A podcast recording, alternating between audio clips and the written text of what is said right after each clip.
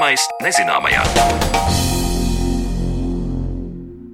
Esiet sveicināti! Nezinu, cik daudz no jums ir kļuvuši par kādā pētījuma dalībniekiem, aizpildot anketas vai kā citādi atbildot uz noteiktiem pētnieku jautājumiem. Par to, ka dažādu aptauju mums visapkārt netrūks, liecina kaut vai tas, cik bieži nākas dzirdēt secinājums par to, kā iepērkamies, kā krājam un kā ārstējamies. Šoreiz parunāsim par to, cik patiesībā neefektīvi var būt daži pētījumi un lūkosim, kuri tad ir tie jautājumi, uz kuriem atbildes patiešām var sniegt aptaujas. Bet līdz tam pievērsīsimies vēl kādam ar sociālajām zinātnēm saistītām saistītam jautājumam, proti, kāpēc tas, kas izskatās savstarpēji saistīts, patiesībā tāds nemaz nav. Uz kādiem jautājumiem var un nevar atbildēt aptaujas, un vai tās bieži vien ir nevietā lietota pētniecības metode, jau pēc brīža runāsim ar mūsu šīs dienas raidījumu viešņu, bet līdz tam aicinu doties līdzi manai kolēģei Zanē Lācei, izzināt kādu interesantu fenomenu. Kāpēc dažkārt lietas, kas datu rindās izskatās savstarpēji saistītas, patiesībā tādas nemaz nav, un cik maldinošas var būt šķietamas cēloņsakrības mūsu nākamais stāsts. Bieži vien dažādās socioloģiskās aptaujās mēs redzam respondentu vecumu, dzimumu un tautību. Bet katra aptaujātā atbilde uz to vai citu jautājumu ietekmē vēl neskaitāmi faktori, kas savā starpā ir saistīti. Un bieži vien, savēlkot kopā datus, mēs iegūstam kļūdainu statistiku. Varētu šķist, ka saprātīgs cilvēks taču redz un saprot, ka nav nopietni ņemami tādi dati, kā piemēram interneta pārlūk programmas lietošanas biežums, kas ietekmē slepkavību pieaugumu, vai arī Meksikas citronu importa kāpums Amerikas Savienotajās valstīs samazina autoavārijas uz Amerikas lielceļiem. Vai arī, kā teica mans sarunu biedrs, Latvijas Universitātes filozofijas un socioloģijas vadošais pētnieks, antropologs Andris Saulītis. Spilgtākais piemērs ir uh, siera patēriņš un uh, negadījumu skaits Amerikas Savienotajā valstī. Jo lielāks ir patēriņš, jo uh, lielāks ir negadījumu skaits, bet, protams, šīs divas lietas ir vienkārši paralēlas, nevis cēloņsakarīgas. Nav tā, ka jo vairāk ēda sieru, jo vairāk iekļūst satiksmes negadījumos. Tie ir tikai daži jokaino datu piemēri, kas parāda faktoru saistības absurdumu. Taču arī nopietnu datu analīzē mēdz ieviesties kļūdaini apgalvojumi, kas rodas savēlkot kopā, tā teikt, sausus datus. Veids, kā var iegūt patiesību, skatot dažādas cēloņsakarības, ir eksperimentāli pētījumi, jeb pēc nejaušības principa veidoti kontrolēti izmēģinājumi, kas izsenis bija zināmi medicīnā vai fizikā, bet pēdējā desmitgadē aizvien plašāk tādus pielieto arī sociālo zinātņu eksperti. Par to, cik ikdienā maldinošas var būt šķietamas cēloņsakarības un kā tikt līdz pareizajai atbildēji, stāsta Andris Saulītis. Un šādas korelācijas ir ļoti daudz, bet dažas mēs nespējam uh, identificēt, vai viņas ir viena no otras izraisītas vai izraisa, un tā eksperimentālā metode ļauj to izdarīt. Un tā ir radusies salīdzinoši nesen, un šai metodei visbiežāk mēs par to dzirdam patiesībā no medicīnas. Medicīnā tas ir zelta standarts, kā konstatēt, vai kāda terapija, vai kāda zāles, vai arī vakcīnas šobrīd ir reāli efektīvas.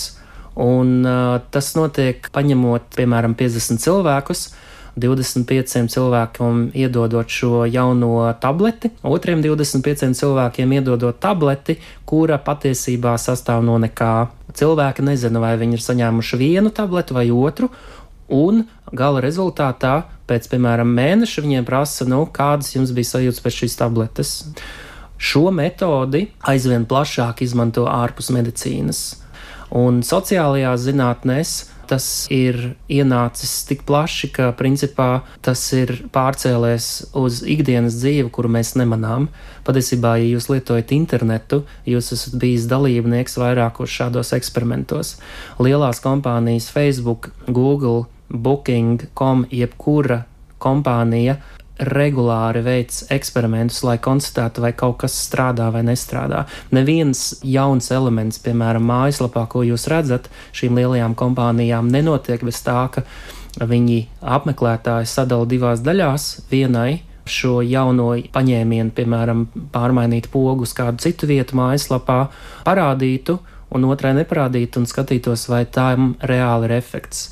Tāpēc, ka kompānijas ir sapratuši, mēs nevaram balstīt savus lēmumus uz intuīciju par to, kas strādā vai nestrādā, vai arī pat uz intuīciju pēc tam, kad mēs esam kaut ko ieviesuši, kā ir mainījusies uzņēmuma peļņa vai cik klikšķi ir bijuši kaut kur. Tam visam ir nepieciešama vienmēr tā saucamā kontrolgrupa, kura pēc nejaušības principa šo jauninājumu nav saņēmusi un salīdzināt, vai arī dzen, viņi, piemēram, pērk produktu retāk, vai viņi lieto biežāk kaut ko, un to visu dara aizvien vairāk uzņēmumi ar šo eksperimentu palīdzību. Bet mēs bieži vien dzīvē saskaramies ar situācijām, kad mums vienkārši liekas, ka tā varētu būt. Tas viens piemērs ir saistīts ar uh, sieviešu reproduktīvo veselību, kur arī dzen, bija korelācija par to, ka hormonu terapija palīdz sievietēm menopauzes vecumā pret dažādām slimībām, sirdstrieku. Un beigās izrādījās, ka patiesībā šajā vecuma grupā, kur tika analizēta, ir izvēlētas ir sievietes, kuras uh, ir salīdzinoši turīgas, kurām vispār ir raksturīgas uh, mazāk slimot ar dažādām blakus slimībām. Pēc tam, kad uh, tika otrais analizēti dati, izmantojot citu datu kopu, izrādījās, ka patiesībā tieši šī hormonu terapija izraisa daudz slimības. Un tā bieži vien notiek arī, dzen, uh, ja tu analizē vienkārši datu kopas, nedomājot par to, ka tās var būt vienkārši cēloņa sakrības, tāpēc ka pati datu kopa ir neobjektīva, viņa sastāv no selektīviem cilvēkiem. Andris Saulīts man stāsta par pētījumiem skolās, kad pēc nejaušības principa izvēlas konkrētu skaitu skolu, lai, piemēram, noteiktu, kā darbojas jauna izglītības metodika. Un tad mācību gada beigās skatās eksāmenu rezultātus šajās skolās. Bet, ja nu kādā klasē ir vairāki talantīgi audzēkņi, tad atkal dati par konkrēto metodi ir nekorekti. Tāpēc Andris veica eksperimentālo pētījumu vairākās Latvijas skolās, ievācot datus par smēķēšanas kaitīgumu. Man bija projekts ar veselības ministriju, bija viņiem kampaņa par uh, smēķēšanas samazināšanu skolās, kur viņi brauca uz skolām un lasīja lekcijas bērniem uh, par smēķēšanas un alkohola ietekmu uz veselību. Tas, ko mēs izdarījām, mēs izvēlējāmies 15 skolas no 30 skolām mēs ar loterijas palīdzību izdomājam, kuras būs tās 15 no šīm 30 skolām, kurām mēs brauksim. Pirms mēs braucām, mēs visās 30 skolās veicām anketēšanu bērnu vidū par viņu kaitīgiem ieradumiem un cik daudz viņi smēķē, un cik daudz viņi arī dzen, zina par to, cik tas ir kaitīgi. Un tad, kad uz 15 skolām aizbrauca, nolasīja šīs lekcijas, mēs pēc mēneša atkal visām 30 skolām veicām aptauju cik tad uh, atkal viņi smēķē, lieto alkoholu un cik daudz viņi zina par šo. Un mēs konstatējām, un mums bija neapgāžami pierādījumi, ka tas ir tikai un vienīgi dēļ šīm lekcijām, ka bērni tajās skolās, kur ir notikušas lekcijas, daudz vairāk zina, cik tas ir kaitīgi, bet paradumi diemžēl nemainījās. Un tad tu vari sākt arī daudz pamatotāk domāt, ko tad darīt labāk, lai mainītos ne tikai zināšanas, bet arī uzvedība. Savukārt, ja mēs būtu aptaujājuši tikai tās 15 skolas, mums nebūtu skaidrs un neapgāžam pierādījumi, ka tas ir tieši no šīm lekcijām. Nu, bet, eh, ko tad var darīt ar šīm datu kopām, kuras regulāri tiek publicētas, lai cilvēki saprastu, kuras ir korektas, kuras nē, kuram var uzticēties, kur nē? Uzticēties var tām datu kopām, kur var redzēt, ka tas, kurš šīs datu kopas vai kura ir analizējusi, arī dzen kritiski skatās uz izdarītiem secinājumiem. Ja šajā rakstā ir redzams vienkārši savilktas kopā dažādas demogrāfiskās grupas un, un tam līdzīgi, un pētnieks vai autors nekritiski paņem tikai tāpēc, ka kaut kas ir būtiski vairāk. Nu, standarta piemērs uh, varētu būt, nu, piemēram, mēs zinām, ka vēlēšana aktivitāte bija zema pašvaldību vēlēšanās. Jā. Nu, viens ir paskatīties, piemēram, uz vecumu. Jā. Mēs noteikti redzēsim, ka kādā vecuma grupā uh, aktivitāte ir augstāka nekā citā. Tas pirmais secinājums uzreiz - jaunieši nevēlas uh, iet balsot, viņi ir ne, maz aktīvi. Bet tas vecums pats par sevi taču neaktivizē cilvēku, iet balsot vai nē. Tās ir kaut kādas citas lietas, kas iespējams tajā vecumā ir saistītas uh, un daudz izteiktākas nekā pieaugušākā vecumā. Ja? Bet tas nav tieši saistīts. Tā problēma ir tāda, ka daudzas lietas, kuras izskatās cēloņsakarīgas, ir netieši saistītas. Tās izraisa citas nu, kā līdzīgi šajā gadījumā vecumā. Varbūt tas pašvaldību vēlēšanās saistīts tieši ar īpašumu. Ja cilvēkam ir īpašums, viņš iet balsot. Kurā vecumā visbiežāk ir īpašums? 30. Plus.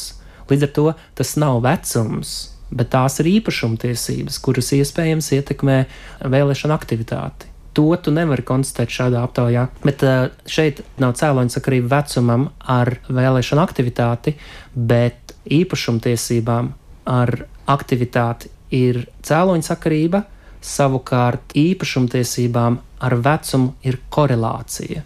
Korelācija tā tad savstarpēja sakarība, kas nozīmē, jo vecāks ir cilvēks, jo biežāk iet balsot, un jo vecāks ir cilvēks, jo biežāk viņam pieder nekustamais īpašums. Bet kura no lietām motivē viņu balsot vēlēšanās, gadi vai piederošā māja, to dati nevar konstatēt.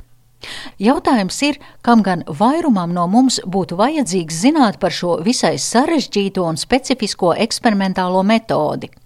Bet atcerēsimies, ka vairums aptauju rezultātu, par ko dzirdam ziņās, stāsta par korelācijām jeb savstarpējām sakarībām, un vienmēr ir svarīgi atcerēties, ka tās var būt gan šķietamas, gan reālas cēloņa sakarības.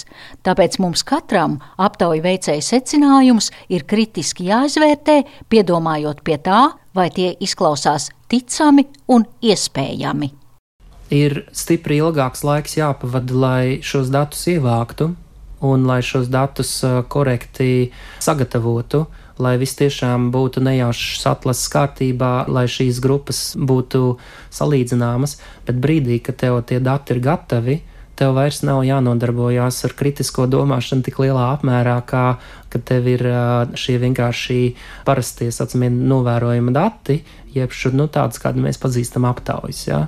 Tev ir uzreiz skaidrs, vai tas strādā vai nestrādā. Protams, kritiskā domāšana joprojām ir uh, jāpatur, bet uh, tu vari veltīt savus spēkus un enerģiju vairāk skaidrot, kāpēc tas strādā, nevis vai tas strādā.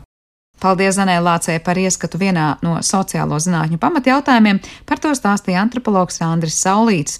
Bet par sociālo zinātņu pētījumiem mēs vēl parunāsim raidījuma turpinājumā, kad skaidrosim, vai anketa ir pārvērtēta pētījuma metode.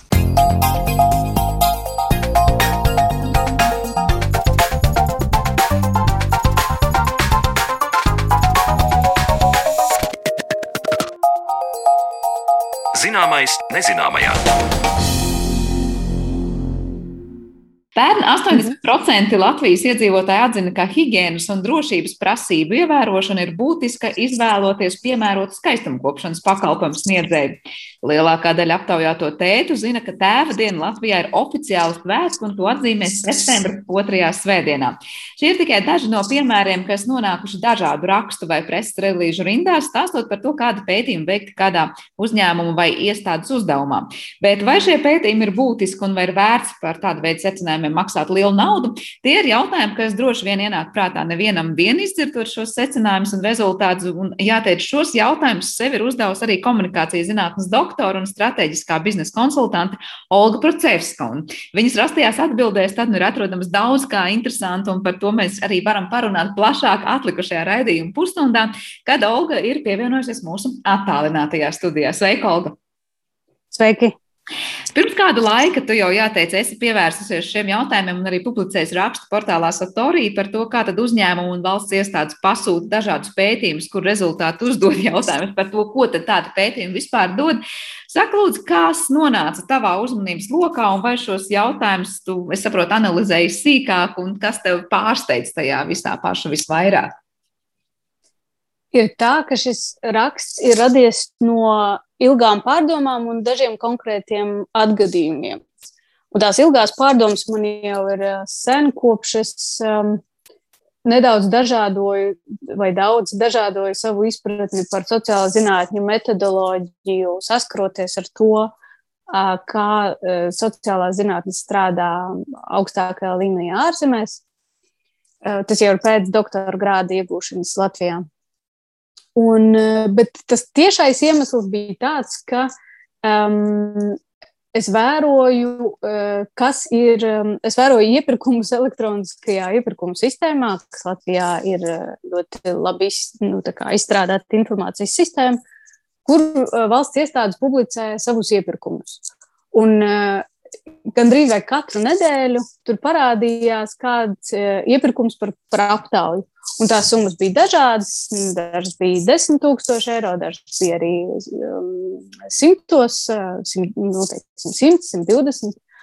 Un lielākoties es skatījos uz tām aptaujām, un man bija skaidrs, ka viņas var neveikt, ka tā ir īstenībā lieka naudas čērdēšana. Ka um, daļa no gadījumiem ir tādi, kuros citas metodes ir labākas nekā aptauja, lai noskaidrotu kaut kādu konkrētu jautājumu, kas mūs interesē. Un citos gadījumos um, šie dati ir pieejami par citām valstīm, citos veidos, un tos vienkārši ir jāmāk izmantot. Un nav jāievāc jauni dati vispār, ne aptaujas, ne ar, ne ar citu metodi. E... Nu, lūk, un tā radās šīs pārdomas, kas uh, fokusējas uz to, ka uh, aptauja ir laba metode, ja vien viņi neizmanto par daudz un visur un nevietā. Un, manuprāt, mums ir šobrīd darīšana vismaz no valsts iestāžu puses. Privāti uzņēmumi var darīt, ko viņi grib, vai ne? Ar savu naudu, bet valsts iestādes tomēr tērē valsts budžeta līdzekļus. Un tām vajadzētu kārtīgāk padomāt par to, ar kādām metodēm tās noskaidro, ievāc datus, noskaidro sev interesējošus jautājumus. Un vai šī nauda tiešām tiek izmantota liederīgi. Tad e, jautājums nu, no sociālām zinātnēm, kuras ir tās jomas un veidi, nezinu, un, un, un kurās tā aptauja ir īstajā vietā un laikā, un kad aptauja nav tā labākā metode?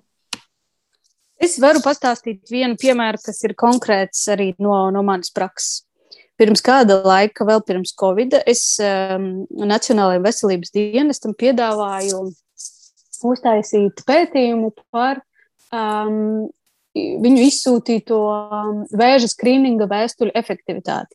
Jo mums ir tāda problēma Latvijā. Uh, Nacionālais veselības dienests ik regulāri aicina iedzīvotājus uz valsts apmaksātām uh, vēža pārbaudēm, lai atklātu vēzi iespējami agrākā stadijā, un tas būtu iespējami labi ārstējums. Bet atsaucība uz šīm vēstulēm ir katastrofāli zema. Un mums ir rezultātā mums ir vis, viena no vissliktākajiem rādītājiem Eiropā. Mums Um, ja nemaldos, vairāk kā ser, ap 60% onkoloģisko slimību tiek atklāts novēloti. Respektīvi, ir skaidra vajadzība noskaidrot, kāpēc ir zema atsaucība un, un kas varētu to uzlabot. Un tad, teiksim, rīkojot aptauju, varētu pajautāt cilvēkiem, kas ir tas, kas viņus apmierina tajās vēstulēs, kas viņus neapmierina, kāpēc viņu rezultātā aiziet vai kāpēc viņi neaiziet ka tas būtu neefektīvi, jo mēs uzzinātu vienkārši viņu uzskatus par lietām. Mēs neuzzinātu konkrēti viņu rīcību. Savukārt tas, ko es piedāvāju, bija eksperimenta metode. Lauka eksperiments, tas nozīmē eksperiments, kas notiek nevis laboratorijā, bet dabiskā vidē, un kas ietvertu manipulācijas respektīvi izmaiņas dažādas vēstuļu noformējumā un saturā, lai redzētu, kas no tā reāli strādā labāk un kas strādā sliktāk. Respektīvi, šāda pētījuma rezultātā eh, konkrētajai valsts iestādēji, Nacionālajiem veselības dienestam, būtu ļoti precīzi dati. Lūk, šis paņēmiens mums dod par teiksim, 15% lielāku apmeklējumu, šis neko nedod, šis īstenībā samazina atsaucību un tā tālāk. Un atšķirībā no aptaujām, tie būtu supervērtīgi dati, kas uzreiz ir liekami lietā un uzreiz ļauj panākt labākus iznākumus mums kā sabiedrībai, jo uzlabojas cilvēku atsaucība un uh, viņi nāk pārbaudīt uz, uh, uz vēzi. Bet, ja, piemēram, tas iemesls ir vienkārši cilvēku, nezinu, bailes vai, vai vēlēšanās ignorēt pārbaudes, kā saka, nu, kamēr vēl neklauvē pie durvīm, vai nav tā, ka nu, ar tādu aptauju, jebkurā gadījumā mēs iegūtu tos datus, ka cilvēks saka, es negribu vispār saņemt šādu informāciju, man ir bail par to domāt, un, un es negribu veikt tādu pārbaudi. Proti, ka vēstuli jau vairāk tiešām varētu parādīt, ar kuru formulējumu vai, vai, vai kā citādi, nezinu, modifikācijām panākt, ka cilvēks aiziet. Vai ir kaut Tieši tā. Jā, tu ļoti precīzi pateici. Tas, ka cilvēki baidās un nevēlas tikt konfrontēti ar iespēju, ka viņiem varētu būt vēzis, tas mums ir zināms tāpat. Mums nevajag taisīt aptauju, lai to zinātu. Tas ir zināms no visu valstu pieredzes. Vienmēr ir šis um, ierobežojums, slieksnis, problēma, un tam ir jāpiet apkārt. Un ir uh, valstis, kas domā, un arī ir ievākts ļoti plaša praksa īstenībā par to, kā šo, šīs dabiskās cilvēku bailes un, un nevēlošanos uh, saņemt negatīvas ziņas, kā viņi var apiet, lai tomēr cilvēki aizietu un izglābtu sev dzīvību. Tā kā mums e, taisīt aptauju, lai noskaidrotu acīm redzamo, ir tiešām nu, ļoti bezatbildīgi pret valsts budžeta naudu. Un tā vietā daudz labāk būtu uzreiz mēģināt eksperimentēt ar to, kas varētu nest labākus rezultātus. Bet, tavuprāt, kāpēc tā notiek? Tā ir tāda nu, salīdzinoši vienkārša metode, un liekas, eh, nu, tad uztaisam aptauju un skatāmies, kas notiek. Eh, vienkāršāk interpretējam datus, nekā veidojam tur eksperimentus, un varbūt sarežģītāk kaut kādu pētījumu dizainu. Kāpēc valsts iestādes tik daudzās eh, situācijās to aptauju izmanto? Jā, to no vienas puses var skaidrot ar metodas popularitāti nu, un vienkāršumu, relatīvo. Bet, eh, manuprāt, lielākais iemesls ir kompetences trūkums. Un kompetences trūkums sākas tad, kad ir jāizdomā, um, kas ir mūsu pētnieciskais jautājums, un jāuztais tas, ko zinātnē sauc par pētījumu dizainu. Respektīvi, kas uzdod ļoti precīzu pētniecisko jautājumu, kas tieši ir tas, ko mēs gribētu šeit noskaidrot, kas ir tas, ko mēs nevaram noskaidrot, kas ir tas, ko mēs varam noskaidrot, un kādām metodēm mēs šo konkrēto lietu varam noskaidrot. Un tālāk jau e, tās metodas izriet no jautājuma. Un šis posms, e, pētījuma dizaina veidošana, praktiski vispār nenotiek. Uzreiz notiek pārliekšana uz vienu metodi, kas ir tāda nu, jā, populāra, pieejama, zināma un, eh, un šķiet, ka derīga. Tāpēc, ka diezgan bieži cilvēki neapzinās, kas ir, kas ir šīs metodas ierobežojumi un kas ir tas, um, kur viņa nepalīdz. Tā kā tas, kas varētu palīdzēt, ir sākt teiksim, tos pašus um, iepirkumus par pētījumiem no valsts iestāžu puses. Sākt nevis jau ar aptaujas izsludināšanu, kas jau ir ļoti konkrēta un šaura pētījuma metode, bet gan ar pētījumu dizaina izstrādi. Lai vispirms tas pētnieks vai, vai pētī, pētnieku grupu, kas, kas piedāvā savu, savu variantu šim iepirkumam, lai viņi izstrādā pētījumu dizainu. Tas, protams, nozīmē, ka arī tās iepirkumu komisijas jāveido tādas, kas spēj atšķirt labu pētījumu dizainu, piemērotu konkrētiem jautājumiem, no tāda, kas šim jautājumam neder. Un es pieņemu, ka arī tie paši pētījumu veicēji līdz ar to arī jau uzreiz ir, nu, kā teikt, profesionālāk, varbūt spēja veikt sarežģītākus pētījumus nekā, nekā tikai aptauja, kas, protams, mēs nesakām ir vienkārši, bet relatīvi vienkārši metodi. Uh, tu vēl minēji šajā satorī rakstā, ka viena lieta ir šie te, varbūt pētījumu jautājumi, kas netiek formulēti vai netiek formulēti pietiekoši precīzi. Eh, saka, lūdzu, tev ir vēl minēts tāds aspekts, kā bāzes līmeņa korelācijas tiek pasniegts kā analītiski secinājumi. Vai es pareizi saprotu, ka mēs varam vienkārši kaut ko, kā vienkāršā valodā sakot, saistības ieraudzījām, sakarības starp kaut kādiem procesiem, ieraudzījām un datiem un pasniedzam, ka tie uzreiz ir savstarpēji saistīti, kas nebūtu nevienmēr tā ir? Jā, tieši tā. Zinātniekiem ir zināms tas, tas ko, ko varētu iegravēt eh, uz visām sienām, tāpat kā Latvijā ir tevzemē ir brīvībai, tad sociālajās zinātnēs, un ne tikai sociālajās, arī visās pārējās, korelācija vēl nenozīmē, ja, sakarība vēl nenozīmē cēloņu sakarību. Un, eh, lai saprastu, ka tiešām kaut kāds fenomens noved pie cita fenomena, ir e, diezgan bieži nepietiek ar to, ka viņas vienkārši sakrīt pēc datiem. Un, e, un lai saprastu, lai pierādītu, ka tiešām pastāv cieša sakarība starp, um, teiksim, atkal atgriežoties pie manas piemēra par bērnu uh, skrīningu vēstulēm, ka pastāv cieša sakarība starp to, kādā krāsā, piemēram, ir aploksne un, un kā tas ietekmē cilvēku atsaucību šīm vēstulēm. Ar aptauju vien nepietiek. Tur ir vajadzīgi konkrēts teiksim, eksperiments, kurā ir kontrola grupa, kurai nosūta, pieņemsim, baltu aploksni, un ir cita grupa, kurai nosūta violetu vai sarkanu vai kādu citu spilgtas krāsas aploksni. Un pārējais nekas nemainās. Respektīvi, tiek manipulēts, tā to sauc zinātnē, vai tiek uh, mainīts tikai šis viens faktors. Un tad var zināt, ka tieši tas, nevis kaut kas cits, ir ietekmējis atsaucību. Kā ar šīm tēmām, par kurām tiek eh, veikts šis aptaujas un, nu, jā, teiksim, tā pētījumi, eh, tas viens no pārmetumiem, varbūt, kas arī izskan, ka dažkārt nu mēs secinām ļoti acīm redzamas lietas, jau nu, mans eh, citētais tātad piemērs par skaistumu kopšanas vietām, nu, kad var teikt, tiešām lielākai daļai ir svarīgi tie higienas um, apstākļi, kas tur valda un prasības, kas, protams, ir diezgan loģisks laikam secinājums.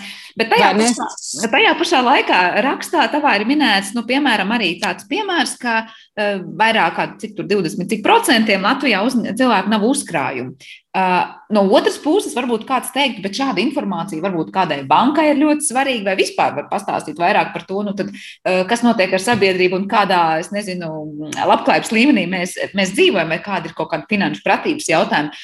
Saka, lūdzu, kā noteikt, nu, kurš pētījuma tad rezultāts būs tāds, kur mēs teiktu, nu, tas ir acīm redzams, tas mums neko nedod, un par kādu varbūt viens teiks, bet, bet man tas liekas būtiski. Īsnībā tas, vai cilvēkam ir uzkrājumi vai nav, ir zināms arī bez aptaujām. Ir uh, konkrēti instrumenti, parasti, kuriem cilvēki uzkrāja, un tās ir bankas.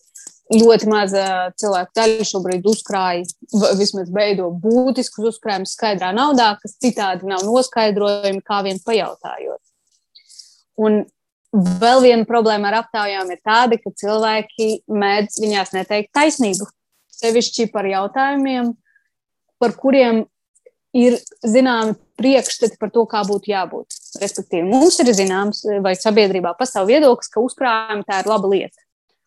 Un, eh, ja mēs, un visi kā, pat, pat, vai neatkarīgi no tā, kāds ir viņu status, viņi zina, ka principā krāt, krāt nelabai dienai tā ir laba doma, un būt pavisam bez uzkrājumiem tas ir bīstami.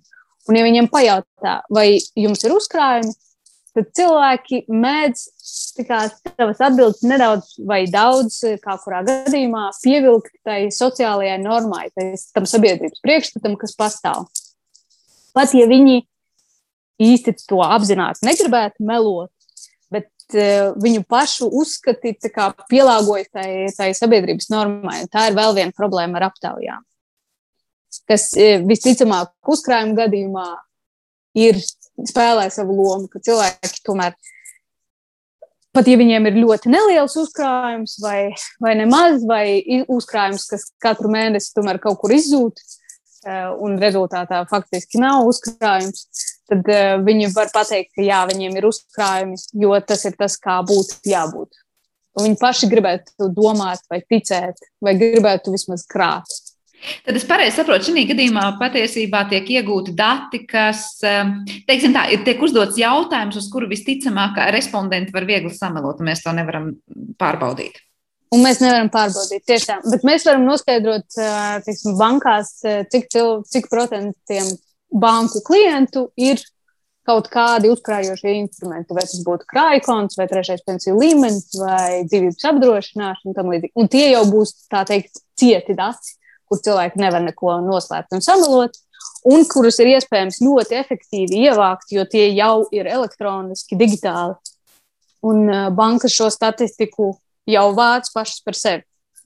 Bet tu patiesībā aizskāri ļoti svarīgu tēmu, par ko ļoti bieži sabiedrībā mēs sakām. Nu, tikko kā ir aptaujas, tad mēs tieši tā bieži vien pārmetoši varbūt kādam pētniekam varam teikt, nu, ko jūs ar to aptauju man gribat pateikt, jo iespējams, ka tur cilvēki ir jau samalojuši vai kā citādi. Un tad pētnieki bieži saka, jūs nemaz neziniet, tātad aptaujas patiesībā izveidot ir vesela zinātne un darbs, un, un mēs varam pieķert, kā saka, kad cilvēks melo un nemelo ar dažādu veidu jautājumiem.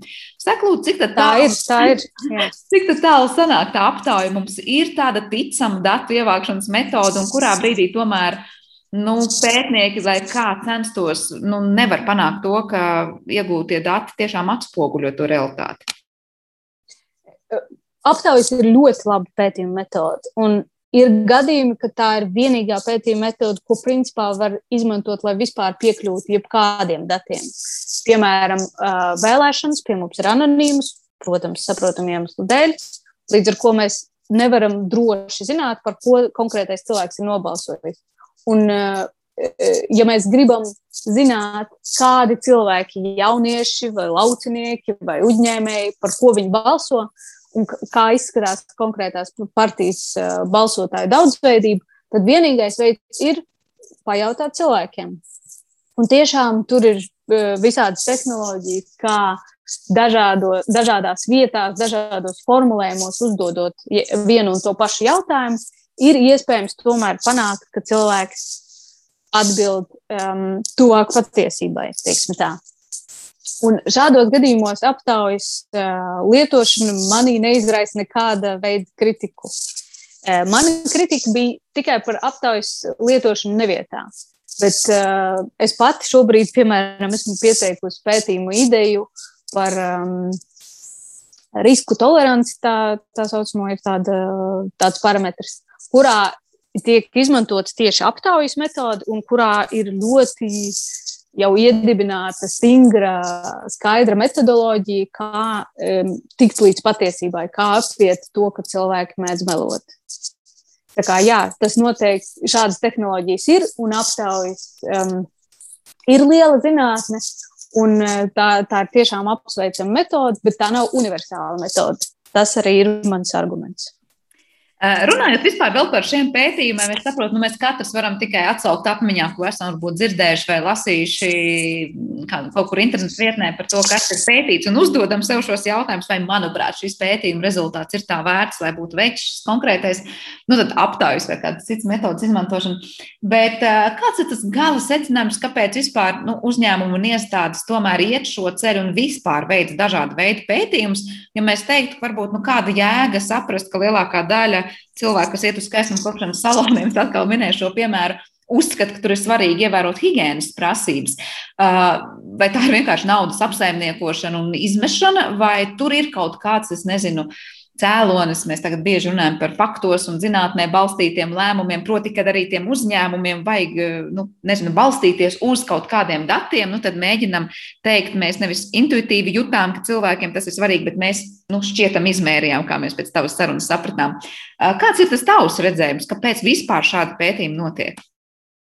Jā, tieši tā. Viņi nenotiek aiz tā, ka uzņēmumiem vai valsts iestādēm būtu lieka nauda, ko izmest. Viņi notiek aiz labiem nodomiem. Un tie nodomi ir tiešām, ka gan uzņēmumiem, gan valsts iestādēm ir vajadzīgi dati, lai pieņemtu zināšanās vai pierādījumos balstītus lēmumus, nevis vienkārši izzīst viņus no pirksta. Un savukārt uzņēmumos, kur, kur es kurus es konsultēju diezgan bieži savā darbā, es redzu tiešām ļoti lielu vēlmi izprast savu klientu vajadzības, saprast, kas ir tas, ko viņi dara labi, kas ir tas, ko viņi varētu darīt labāk. Un šeit arī dzina aptaujas var būt liederīgas, bet ir gadījumi, ka tās nedara, ka tiešām ir labāk uh, uztaisīt eksperimentu vai ievākt citu uzņēmumu pieredzi, vai darīt citas lietas, vai uztaisīt fokus grupu, piemēram, lai padziļinātu, izprastu kaut kādu jautājumu.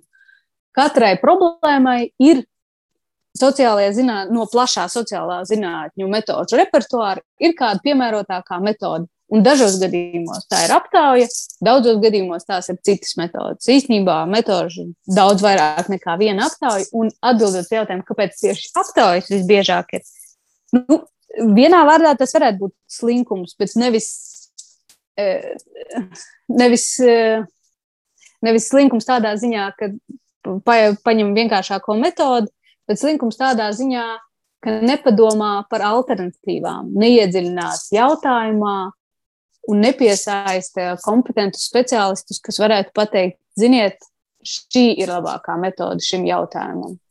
Vai arī, piemēram, pateikt, ka īstenībā šo jautājumu tieši tādā veidā, kā jūs esat tagad formulējuši, Tas satur trīs dažādus jautājumus, un viņš vispirms ir jāsadala, un katrs no šiem jautājumiem jāpēta ar citu metodi, piemēram. Tas viss ir tas, ko sauc par pētījumu dizainu, un šī ir iztrūkstošā fāze. Tas ir vājākais ķēdes posms šobrīd gan valsts iestāžu pētījumos, gan arī uzņēmumu pētījumos. Visi domā, ka viņi, viņi zina jau, kā to vajadzētu pētīt. Bet tas, ko viņi zina, ir vienkārši populārākā metode. Bet varbūt arguments kādam būtu, jā, ja mēs veiktu fokus grupas vai eksperimentus, tas izmaksātu dārgāk. Kā ir ar šīm izmaksām un šīm metodēm? Eh, vai jā, uzreiz tādas sarežģītākas metodas izmantošana arī to izmaksu līmeni paaugstina? Izmaksas ir salīdzināmas. Tas nav tā, ka eksperiments obligāti maksā teiksim, divreiz vairāk kā aptaujas. Aptaujas arī mēdz būt lētas, mēdz būt dārgas, atkarībā no tā, kādā veidā tās tiek veiktas. Aptaujas, kas ir um, ar uh, reprezentatīvu izlasi un klātienes intervijām, piemēram, ir diezgan dārgas. Un arī šobrīd Covid apstākļu dēļ uh, apgrūtinātas ne tikai naudas uh, ziņā, bet arī epidemioloģisko prasību dēļ. Un nav tā, ka eksperiments būtu dārgāks par, par šo. Jautājums ir par mērogu, bet galvenais, manuprāt, kā skatīties izmaksas, ir pret iegūto datu vērtību. Ja tas, ko mēs iegūstam rezultātā, ļauj mums, kā valsts iestādē vai kā uzņēmumam, ļoti būtiski uzlabot savu darbu, tad ir vērts par to maksāt. Ja tas ir kaut kas, ko, uz ko mēs paskatāmies, ah, nu, tik, tik procenti domā tā un tā, un noliekam to atvilktnē, tad tiešām par to nebija vērts maksāt pat ne 10 eiro, ja tas nekur nenodara. Jautājums jau droši vien šeit arī ir, cik liels ir tas cilvēku skaits, kas tiek aptaujāts, vai tu esi vispār, mm, nezinu, redzējis, skatījusies nu, par tiem minētajiem jau pētījumiem, varbūt dažiem, vai tas vispār aptaujas daudzums ir tas aptaujāto skaits atbilstoši tam, lai to sauktu par pētījumu? Ja to veids profesionālā aģentūra, uzņēmums, kas nodarbojas ar aptauju veikšanu, tad lielākoties tur nav problēma. Vismaz Latvijā. Um, tie daži uzņēmumi, kas nodarbojas ar aptauju veikšanu, ne, nesaukšu, lai kādu neizceltu, bet nu, viņi visi ir zināmi, tāpat uh, tiek citēti televīzijā un citos mēdījos. Tur ir darīšana ar reprezentatīvām izlasēm, un tā ziņā tur nav kur piesieties. Un, teiksim, cilvēks diezgan bieži saka, kas tā par aptauju, man nemaz neko tādu nav jautājuši. Ne? Nu, tas īstenībā nav kritērijs. Ja aptaujā ir teiksim, tūkstots respondenti, kas reprezentē, jeb atbilst Latvijas iedzīvotāju ainavai, tad šī aptauj, šīs aptaujas iegūtie dati ir droši un, un vērā ņemami. Cita lieta, vai viņi atbilst tam jautājumam, ko, ko mēs vispār gribējām noskaidrot. Vai ir kādas jomas, kurās vairāk saskaramies ar šādu veidu, varbūt nu, neatbilstoši izvēlētām metodēm, vai vispār neatbilstoši varbūt, un nevajadzīgi veiktiem pētījumiem, uh, nu, par lietām, kas varbūt nav īsti jānoskaidro, vai tavuprāt tā ir, nezinu, pakalpojumu sniegšana un medicīna vai kaut kādas finanšu jomas, vai ir kaut kāds, kas īpaši izceļas šo pētījumu vidū? Man šķiet, ka gandrīz vai visas. Man grūti iedomāties kādu, kas nebūtu kritus par upuri šai vienkāršajai un populārajai metodei. Kam, kamēr tu uzdevi jautājumu, es atcerējos vēl vienu gadījumu, kur um, kad es redzēju iepirkumu, kur Rīgas ūdens plānoja aptaujā noskaidrot, kāpēc konkrēta rajona iedzīvotāji nepieslēdz centralizētiem ūdensvedam. Un, teiksim, manuprāt, aptaujas izmaksas tur bija ap 10 tūkstoši eiro, varbūt mazāk nedaudz, varbūt 7 vai, vai 6. Bet tik un tā, tie katrā ziņā nebija 200 eiro. Un uh, tas ir jautājums, kuru vispār var neuzdot. Jo mums ir zināms uh, no citiem gadījumiem, kāpēc cilvēki nepieslēdz centralizētiem ūdensvedam. Un atbilde ir ļoti vienkārša, tāpēc, ka tas viņiem ir par dārgu. Un taisīt aptauju, lai noskaidrotu to, kas jau ir zināms no citiem gadījumiem, to, ko Rīgas ūdens speciālisti no savas daudzgadīgās pieredzes noteikti var izsvecināt paši. Lūk, tā ir slikta metodas izmantošana. Tas, manuprāt, arī nedara godu pašai metodei. Bet cilvēki sāk domāt, tiešām, ka aptaujas ir kaut kāda branču metode, kas ir vienkārši izklaide un kas neko nedod. Bet īstenībā tā ir ļoti nopietna un ļoti vērtīga sociālo zinātņu metode. Tikai tā ir jālieto pareizi, nevis tur, kur viņa nav jālieto. Gluži tāpat kā ēst uh, zupu ar dakšu ir muļķīgi, bet tas nenozīmē, ka dakša ir kaut kāds neliederīgs instruments virtuvē. Dakša ir ļoti liederīgs instruments, lai ēstu dārzeņu sautēm, bet zupu labākais ar karoci. Jā, un, lai, lai to noskaidrotu, mums, protams, nav jāveic aptāja. Klausoties tevī, pamazām noslēdzot šo sarunu, protams, ka pārņem tā sajūta, ka tu, ka tu mini šos piemērus, nu, acīm redzam, jā, bet pirmajā brīdī izdzirdot uh, par kaut vai piesaukto Rīgas ūdens gadījumu, liekas, nu, jā, cilvēki mēģina noskaidrot to, ko viņi nezina, nu, kā viņi domā, nu, tad man ir jāpajautā tam cilvēkam. Vai tavuprāt, citos gadījumos ir draudz, uh, ka varbūt kāds uzņēmums vai iestāde atkal ies otrajā grāvī un pārāk atteikšanās no kaut kādiem datiem, kas jau ir viņu rīcībā par citiem gadījumiem, nu tad, kā saka, pieņemsim, ka cilvēki to tā, tā nedara vai dara, tāpēc, ka mums ir kaut kāds pieņēmums. Kā rast to līdzsvaru vienalga uzņēmumam vai pētniekam un saprast, ka vienā brīdī mēs sakām, to nav vērts prasīt, jo mēs jau to zinām, Bet no otras puses, varbūt mums liekas, ka mēs zinām, bet ir kaut kādas vēl citas atbildes, atbildžu varianti, kurus mēs neesam apjautuši. Kā neapjukt? Tas ir ļoti labs jautājums. Tas patiešām nav, nav nemaz triviāls jautājums, jo ir gadījumi, kad ir, ir jājautā, un ir gadījumi, kad ir jāiztiek ar to, kas ir. Manā pieredzē ir tā, ka palīdzību spēj sniegt ārējais speciālists, ka no iekšpuses strādājot kādā iestādē vai uzņēmumā, tiešām ir grūti saprast, vai, vai mēs zinām šo lietu, vai mēs viņu nezinām, vai mēs gadījumā nerīkojamies uz kaut kādu aizspriedumu pamatu, uh, un, un vai mums nevajadzētu mainīt savu perspektīvu, ko pētījumi nenoliedzami palīdz izdarīt. Bet to uh, tieši tāpēc ir tādi cilvēki kā, kā es un citi, un daudz citi, kas nodarbojas ar um, konsultācijām, tā izskaitā par zinātnes un sociālo zinātņu jautājumiem.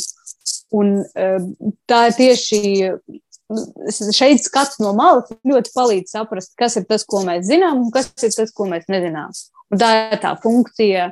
Um, ne, jau, ne jau šie cilvēki, tādi kā es, ir super daudz gudrāki par, par iestāžu vadītājiem, teiksim, vai uzņēmumu vadītājiem, kas ļoti labi pazīst īstenībā savus klientus. Vismaz es saskaros ar to, ka uzņēmumi patiesībā ļoti labi pazīst savus klientus, bet bieži vien viņiem ir problēma ar to, ka viņi ir sapinušies paši savā vēsturē un paši, savās, paši savos spriedumos, kas ir gadu gaitā sauguši veselās teorēmās un gandrīz vai dogmās, un tad viņiem ļoti palīdz tā ārējā izkustināšana.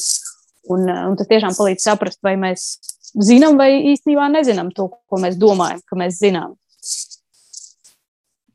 Un noslēdzošais jautājums no manas puses, kā tu saskati, es nezinu, tendenci tuvākajā nākotnē, vai mēs arvien biežāk saskarsimies ar to, ka jā, meklējot šos te tātad, kā jau tu minēji, eh, faktos un pētījumos un zinātnē balstītos lēmumus, lai pieņemtu, mēs arvien vairāk saskarsimies, ka uzņēmumi eh, veids šādu veidu pētījumus, nedomājot varbūt par to, ka nevienmēr to vajag vai ka tur ir vajadzīga cita metode, vai gluži otrādi kļūs varbūt eh, piesardzīgāki un varbūt tādi netik, nu, netik viegli ļausies tam, ka nu, mēs jaunas pētījumus veiksim un varbūt neuzdosim jautājumus, vai mums to vispār vajag. Tas, ko es redzu, ir, ka um, notiek dažādošanās tomēr metožu izvēlē. Ka gan uzņēmumi, gan valsts iestādes, gan drīzāk pagaidām ārpus Latvijas ir atvērtāks dažādu metožu izmantošanai. Tie paši lauka eksperimenti tiek veikti daudzās valstīs, um, gan uh, veselības, uh, sabiedrības veselības jomā ļoti plaši, gan uh, ekonomikas jomā, gan mēģinot panākt labāku nodokļu nomaksu un tā tālāk. Un Covid laiks ir īstenībā pavēris pilnīgi jaunas iespēju durvis šiem eksperimentiem, jo situācija bija tāda, kurā vispār nebija, kurā aptaujām nebija laika, nekādas iepriekšējas pieredzes nebija, un tāpēc valstīm neatlika nekas cits kā eksperimentēt. Un tas man liekas um, drusku mainīt to izpratni par, par to, kas ir tas, uh, kādi dati mums ir vajadzīgi, lai vispār sāktu rīkoties. Reizēm vajag ar minimumu kaut kādu absolūto minimumu datu, ko mēs varam izsacināt paši, un tad mēs tālāk meklējam kaut kādus risinājumus un skatāmies, kas no tā strādā un kas nē. Tā kā, nu, es no savas puses aicinātu gan uzņēmumus, gan valsts iestādes būt atvērtākiem savā domāšanā par to, kas ir tas, ko viņi var uzzināt un kā viņi var uzzināt. Un bez šaubām zināt vajag, bet jautājums ir, kā un, un atvērtība dažādām metodēm, manuprāt, nāk tikai par labu mums visiem dažādot pētījumu metodus un ne, neapstāties tikai pie bieži piesauktajām aptaujām. Tas varētu būt tāds vēlējums laikam nevienam vien. Lielas paldies, Olga, par šo sarunu. Es atgādināšu, ka mēs dzirdējām šajā raidījuma pusstundā tātad komunikācijas zinātnes uh, doktori un strateģiskās biznesa konsultanti Olgu Procevsku. Ar to arī raidījums ir izskanējis. Paldies, ka bijāt kopā ar mums un uz tikšanos kādā no nākamajām reizēm.